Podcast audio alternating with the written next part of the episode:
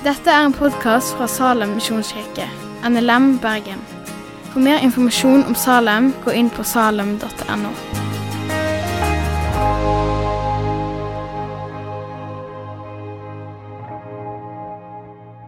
Først har jeg lyst til å si Det er utrolig stas å få lov til å være med på en lørdagskveld i Salem igjen.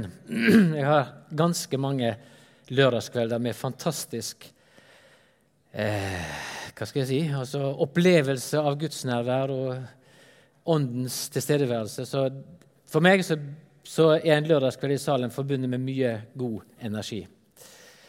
Men som det er sagt, som Ingrid sa, det er ganske mange her som ikke vet hvem jeg er kanskje de aller fleste. Og det sier noe om at eh, ja, i løpet av sju år så er du fort glemt på en lørdagskveld, for å si det sånn. Men, men, nå er vi her, og så eh, er ikke det jeg som er i fokus, men vi har fått, eller hvis jeg har fått et tema eh, som heter lydighet.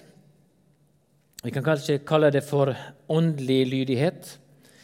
Eh, det er det jeg skal prøve å eh, legge ut for dere, og jeg håper at de kan ta inn det som jeg tror jeg har fått ifra Gud, eh, og eh, kanskje kjenne på et kall inn i en lydighet i etterfølgelse. Og Spørsmålet er jo da hva er det, hva er det vi skal være lydige imot? Hva er det som eh, vår åndelige lydighet er knytta til? Og Vi skal starte med å lese to bibelvers som kaller på denne lydigheten ifra eh, fra israelsfolket eh, under ledelse av Moses. Så Vi skal gå til 5. Mosebok. Ja, fantastisk. 5. Mosebok 29, 9 og 10 så står det Moses og levittprestene taler til hele folket. Vær stille. Hør, Israel. Denne dagen har du vårt Herren din Guds folk. Vær lydig mot Herren din Gud og halvboa og forskriftene hans som jeg gjev deg i dag. Det er jo et fantastisk øyeblikk der Moses står fram og sier i dag er det blitt Guds folk. Og så kommer 'vær lydig mot det han sier'. Det gir oss en pekepinn på hva som er adressaten for vår lydighet. Og Vi kan gå til 5. Mosebok 28, 1 og 2. Dersom du nå vil lya Herren din Guds røyst og trufast følge alle båa hans, hans, som vi gjev deg i dag, skal Herren din Gud sette deg høgt over alle folkeslag på jorda.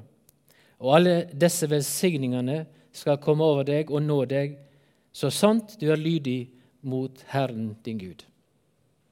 Samme fokus. Det er en lydighet mot Guds ord og imot den Gud som har valgt deg ut, og som er du mitt folk. Jeg vet ikke hva tanker du har gjort deg, eller hva tanker du gjør deg når du hører ordet lydig. Eh, lydighet mot Guds ord, lydighet mot Gud. For en god del mennesker, så, og kanskje spesielt for de som liker å karikere den kristne tro, som, så blir vi ofte framstilt som de som eh, er lydige mot noe som er hinsides all fornuft. Skal jeg være lydig mot Guds ord, så må jeg kutte ut min egen forstand, mitt eget intellekt. Det må jeg liksom legge ifra meg, og så må jeg gå inn i ei blind tro, sier mange. Iallfall det karikeringen av vår kristne tro som blir framstilt ofte. Skal jeg tro det som står i Bibelen, så må jeg liksom kaste fornuften på båten og på med skylappene. Faktum er at eh, det er ingenting i Bibelen som understreke eller vi kan peke på som underbygger en sånn tanke, at det er en blind tro. Tvert imot så oppfordrer Guds ord oss til lydighet på noe som vi òg kan gripe med vår forstand. For lydighet det bygger på tillit. Det er vanskelig å være lydig mot noe vi ikke har tillit til. Um, Tillit fører til lydighet.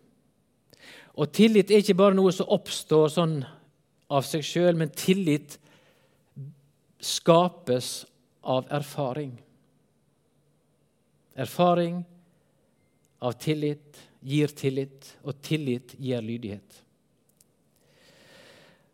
Og Det mønsteret finner du utelukkende og gjennomgående for å si det sånn, i hele Guds ord. Det er først når du har tillit, eller først når du erfarer at du er tilliten verdig, at du virkelig kan ha tillit til et menneske, og du kan være det mennesket lydig. Så la oss ta nok, noen eksempel fra Guds ord. Vi skal ta noen både fra Det gamle og Nye testamentet, bare for å understreke poenget som jeg framsetter her. da. Vi skal starte med Noah. Han som eh, ja, De som har gått på søndagsskolen, har sikkert fått utmalt Noah sin fortelling i sterke farger på kreative søndagsskolelærere sitt vis. Eh, Noah som de ler av fordi han bygger en båt langt inn på land. Eh, og Spørsmålet er gjør Noah det uten at eh, hans intellekt og hans fornuft er utfordra. Vi skal lese 1. Mosebok 6, 13 og 14. Da sa Gud til Noah.: Jeg vil gjøre ende på alt kjøtt og blod, for jorda har blitt full av vald på grunn av deg. Og sjå, jeg vil ødelegge deg sammen med jorda. Lag deg et ark av godførtre. Du skal lage flere små rom i arka og kjørebre henne innvendig og utvendig. Se for deg at du er Noah, og Gud kommer til deg og gir deg et beskjed om at nå kommer jeg til å utslette alt liv på jorden.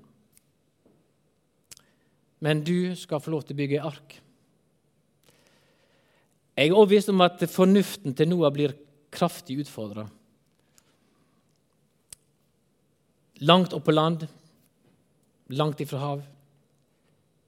Totalt ufornuftig. Men på et eller annet vis så har Noah en erfaring av at Gud vet hva han snakker om. Gud har vist at hans ord er verdt å lytte til. Og Derfor gjør Noah det. Vi får ikke utmalt hvilken erfaring Noah har, men det fører iallfall til at eh, når de andre ler, så velger Noah å tro på den sannhet som Gud formidler til ham. Noah kunne sagt 'Jeg tror ikke på deg'. Men vi som kan se tilbake sånn etterpåklokskapens lys, kan si at Noah handla rett. Han hadde tillit til Gud og Hans ord. Og Det samme finner igjen hos Abraham i 1. Mosebok 12, 1-3. Herren sa til Abraham.: Dra bort fra landet ditt og fra slekta di og fra farshuset ditt til det landet som jeg skal syne deg. Jeg vil gjøre deg til et stort folk jeg vil velsigne deg og gjøre navnet ditt stort. Du skal bli til velsigning. Jeg vil velsigne deg som velsigner deg, men de som forbanner deg, skal jeg forbanne. I deg skal alle slekter på jorda velsignes. Igjen forkynner Gud et budskap. Og Abraham blir sett på prøve. Tror jeg det Gud sier, eller tror jeg at dette er fake news? Det er ikke en blind tro, men det er en tro som handler ut ifra en tillit til en en på et eller annet vis har fått en erfaring med. Og vi igjen, som kan stå i dag og se tilbake, ser at det var klokt av Abraham å være lydig mot Guds ord. Og I Hebreabrevet 11,8 så står det i tru var Abraham lydig da han ble kalla og drog ut til et land som han skulle få, i arv. Han tok ut enda han ikke visste hvor han kom. Som 18-åring så ehm, kom jeg til aktiv kristen tro. Og Samtidig som jeg kom til aktiv kristen tro, så møtte Gud med meg et veldig sterkt kall til å bli misjonær. Og I den tiden der så var hørte jeg til en sånn radikal, idealistisk eh, uttrykk som bredde seg i Norge. Det var en form for vekkelse. Ungdom i oppdrag begynte å skapes. og Ungdom reiste rundt forbi i landet og hadde ingen inntekt. De levde av det de fikk. Og kallet eh, og og på en måte nøden for de som ikke hadde hørt evangeliet, ble ekstremt sterk. Eh, og jeg vil jo kutte ut alt som heter utdannelse, for nå måtte jeg ut og forkynne evangeliet. For at mennesket må få høre evangeliet for å bli frelst. Jeg kan ikke si at jeg på den tiden hadde veldig mye erfaring med at Gud er til å stole på. Men på et eller annet vis så var det skapt en tillit til at når Gud kaller meg, så vet han hva han gjør. Nå ble jeg heldigvis korrigert sånn at jeg fikk gjort ferdig utdannelse, og jeg fikk måtte på misjonsskole og språkskole og hele pakken før jeg kom ut i Indonesia. Men jeg hadde heller ingen peiling på hva som møtte oss, for vi var de første som reiste til Indonesia. Eh, i det feltet vi var og skulle starte opp et arbeid med lokalkirke. Men i dag kan jeg stå og se tilbake og tenke den Gud som kalte meg ja, Jeg kan kanskje undre på om jeg visste hva han gjorde, men, men han, jeg kan iallfall si at han har vært trofast og er til å stole på. For han var med. Eh, gjennom alt det som jeg har erfart i mitt liv. Det var en liten parentes. Vi skal ta med noen eksempler fra, Det nye testamentet òg. Når Jesus kaller læresvennene, så har vi ofte en tendens til å framstille det som en sånn spontan handling. At det, Plutselig sto Jesus der på stranda og sa 'følg meg', og læresvennene som var opptatt med garnene sine og fiske, og, eller mangel på fisk, de plutselig bare wow, som sånne viljeløse zombier fulgte etter Jesus. Det, det er en helt feil framstilling. Jesus hadde virka veldig mye i det området på nordsiden av Genesaretsjøen, eh, før han kalte læresvennene. De hadde sett han, de hadde hørt han, de hadde sett hans under. Og De hadde lagt merke til at her er en person som hans ord er til å stole på. Og Det kommer veldig tydelig fram i Lukas 5, eh, når eh, der Lukas forteller om den store fiskefangsten. og Etter denne så er det jo at Jesus kaller Peter og Johannes og flere av hans læresvenner. I begynnelsen av kapittel 5 hos Lukas så får vi høre at det er en stor folkemengde som stimler rundt Jesus der på stranden. Det betyr Jesus hadde stor popularitet allerede i folket. De kom for å høre han, de kom for å se han, de kom for å se han helbrede syke, de kom for å oppleve dette fenomenet Jesus Kristus. Peter og kameratene hans de er i den settingen på stranden, holder på å vaske garnet. De har vært ute og fiska hele natten og har ikke fått en fisk. Eh, og de er antakeligvis av den grunn i dårlig humør. Det står det ingenting om, men vi kan jo tenke at en fisker som ikke får fisk, blir i dårlig humør. Og Så vender plutselig Jesus seg til dem og så sier han, sett ut båten igjen og legg ut på dypet og kast garnet. Og Så leser vi i Lukas 5, 4 og 5. Da han hadde tala ferdig, sa han til Simon Legg ut på djupet og sett garna så de kan få fisk. Meister, svarer Simon, vi har streva i hele natt og ikke fått noe, men på ditt ord vil jeg sette garna. Hadde Jesus vært en vilt fremmede som kom forbi Peter den dagen og sier du, ut med båten, ut på, ut på Genesaretsjøen og kast ut garnet, så hadde Peter nekta. Det er jeg ganske overbevist om. En erfaren fisker, et tåpelig fiskeidé som han visste ikke ville fungere. Men Peter sier 'på ditt ord'. Det signaliserer at Peter visste at denne Jesus som står der, kjenner jeg. har sett han, jeg har erfart hans nærvær. Og jeg ser at hans ord er til å stole på. Hans ord vekker tillit, og det han sier, det skjer. Og Peter sier 'på ditt ord'.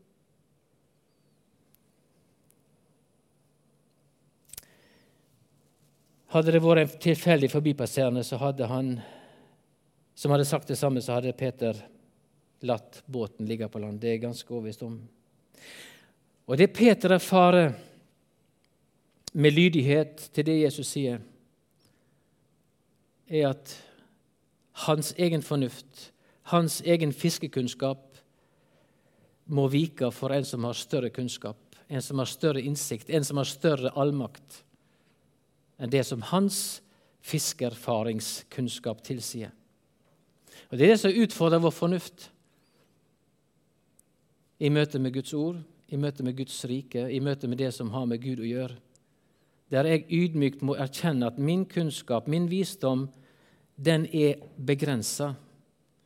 Men jeg får lov til å følge etter en som har større kunnskap, større visdom og større allmakt enn det jeg kan ha. Og Det er det Peter får erfare, for de får mer fisk enn de noen gang før har fått. Og Vi kunne holde fram med eksempel et eksempel i Guds ord som peker på denne sammenhengen som fører til lydighet. Så det å følge Jesus er ikke en sånn brain dead øvelse. Der ikke min kognitive kapasitet blir utfordra. Men det handler om å få innsikt i en større kunnskap og visdom enn den min menneskelige tanke har mulighet til å finne eller fatte. Men hva er det så som gjør det vanskelig for meg å være lydig mot Guds ord? Hva er det som hindrer meg i å fullt ut være lydig mot Guds ord? Um, og jeg har tenkt, Handler ikke det først og fremst om at jeg ikke har tillit til at Bibelen formidler sannhet? Og handler det ikke dypest sett om at jeg mangler åndelig erfaring av at Gud er sann?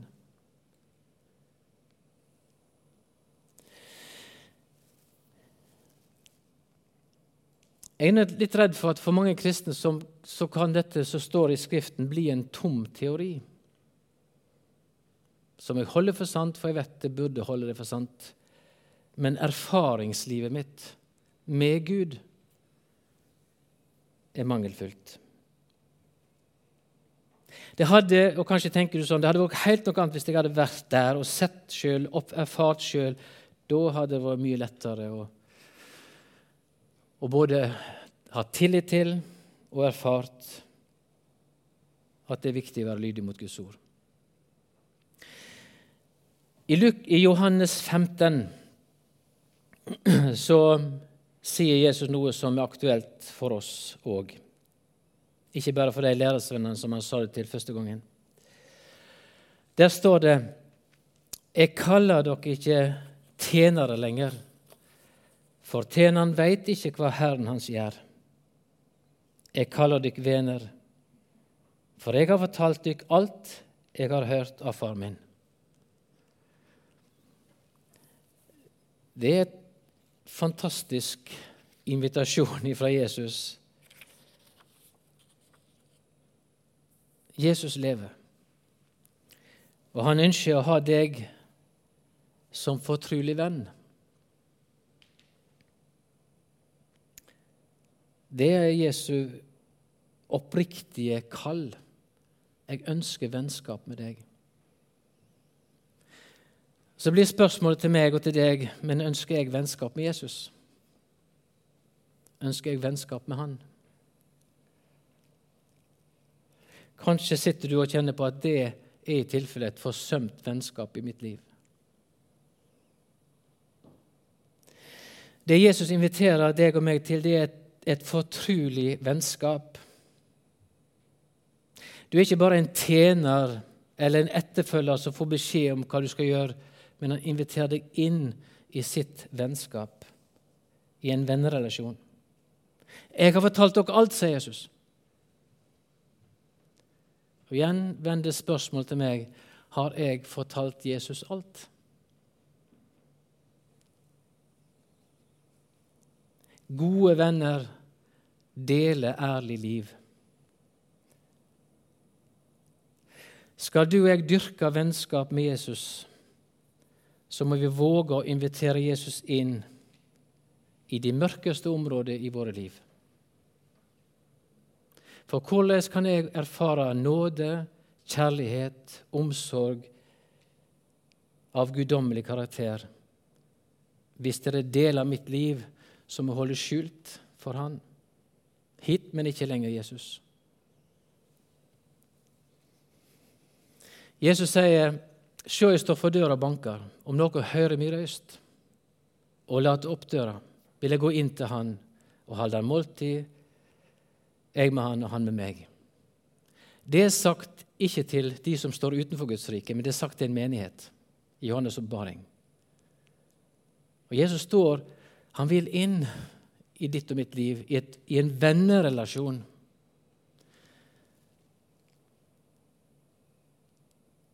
Og der, når jeg får åpne mitt sanne liv, mitt ærlige liv for Jesus, og inviterer Han inn i dypet av mitt mørke, og kjenner i dypet av mitt mørke at jeg er elska, ubetinga, så vekkes det en frimodighet. Så vekkes det en erfaring i mitt liv som gir frimodighet. Ikke fordi jeg får det til, ikke fordi jeg er perfekt, men fordi jeg har en venn som er perfekt og har all makt i himmel og på jord. Det gir meg f.eks. frimodighet til å be for syke. Ikke fordi jeg kan ha kraft til å helbrede, men fordi min venn har vist meg at han kan, og i hans navn kan helbredelse skje. Jeg har sett han gjøre det. Jeg har sett han drive ut vonde ånder av mennesker. Og jeg har sett mennesker bli gjenoppretta i hans navn. Det har jeg erfart. Men ikke bare det. Og Det er ikke bare gjennom slike handlinger at jeg kan erfare Guds allmakt og Guds nærvær. Gud er alle steds nærværende, sier vi. Det betyr at jeg kan erfare Han i naturen, i alle mennesker jeg møter. Så møter jeg Gud. Eller så møter Gud meg. Og Dersom jeg og dersom du åpner opp alle dine sanser i forventning til at Gud skal møte deg, så vil Han møte deg. Men det som er utfordringen for oss, det er at støy i denne verden er så sterkt at vi har mista Jeg snakker litt kategorisk nå, men i stor grad har vi mista evnen til å lytte til Guds tilstedeværelse og erfare Han i alle ting. Paulus skriver om Guds visdom og om denne verdens visdom. Som to dimensjoner som har motstridende interesser for mitt liv. I Jakobs brev så skriver Jakob at det truløse veit ikke at vennskap med verden er fiendskap mot Gud. Den som vil ha verden til venn, blir Guds fiende. Og står Jesus og sier, 'Jeg ønsker vennskap med deg.'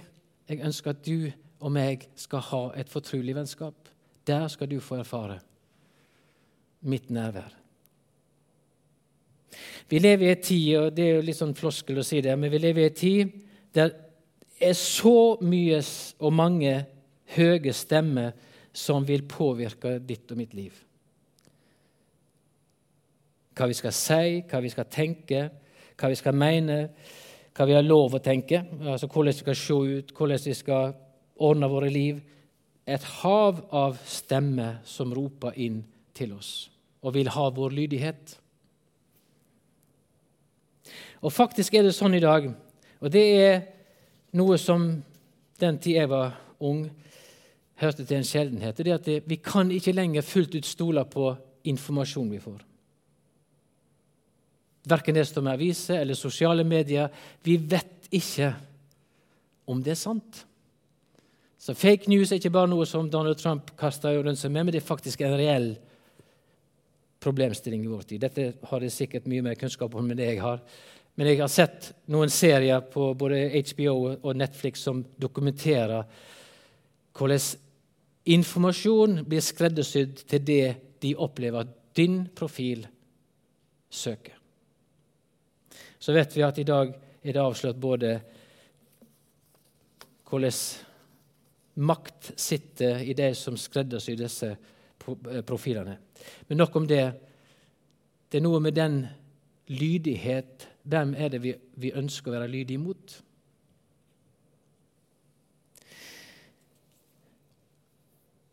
Kallet ifra Vår Herre og ifra Guds ord er å være lydig mot Han og Hans ord. Og Jeg har lyst til å utfordre deg Jeg skal snart gå til avslutning. Um, lyst til å utfordre deg i kveld. Kanskje hvis du sitter og kjenner på at det vennskap med Jesus det, det lengter jeg etter, men jeg, men jeg er ikke der ennå. Kanskje i kveld kan bli en kveld der du kan si, 'Jesus, jeg inviterer deg inn i dette nære vennskap med deg.'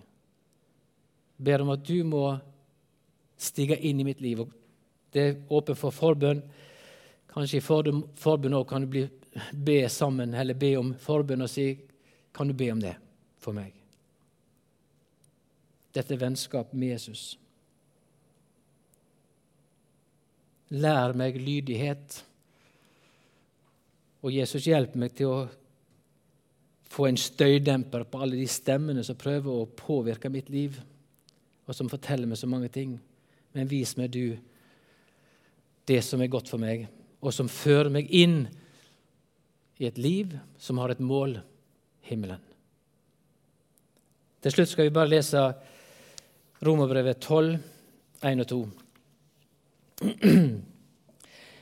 Derfor legger dykk på hjarta, søsken, ved Guds miskunn, at det må bære fram kroppen dykkar som et levende og heilagt offer til glede for Gud. Det skal være dykkar åndelige gudstjeneste. Og innrett dykk ikke etter denne verda, men la dykk omskapa ved at det får et nytt sinn og kan døme om hva som er Guds vilje, det gode, det som er til glede for Gud, det fullkomne. Skal vi be. Kjære Jesus, vi takker deg fordi at du har åpenbara for oss din vilje. Takk, Jesus, for at du kaller oss også i dag til lydighet og etterfølgelse. Ikke en blind lydighet, men en lydighet som bygger på tillit, som bygger på erfaring av at du er til å stole på. Du holder mål. Takk, Jesus, for at du har sagt at en dag så skal vi få erfare det fullkomne. Uten sykdom, uten død, uten lidelse, uten synd. Takk, Jesus, for det håpet du har gitt oss om himmelen. Og Hjelp oss å vandre her i denne verden i lydighet og etterfølges av deg, Jesus. Det ber vi om. Og så kjenner du den enkelte her i kveld. Du kjenner våre behov, du kjenner hvor vi er hen i livet.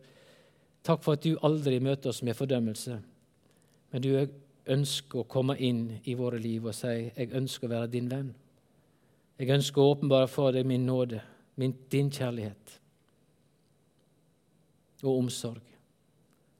La det underskje hos oss i kveld, Jesus, at vi på nytt kan si, 'Jesus, jeg ønsker deg som min venn'. Vi ber om det i ditt hellige navn. Amen. Takk for at du har hørt på podkasten fra Salem, Bergen. I Salem vil vi vinne, bevare, utruste og sende. Til Guds ære. Vi ønsker å se mennesker finne fellesskap, møte Jesus og bli disippelgjort her i Bergen og i resten av verden. Vil du vite mer om oss, gå inn på salem.no.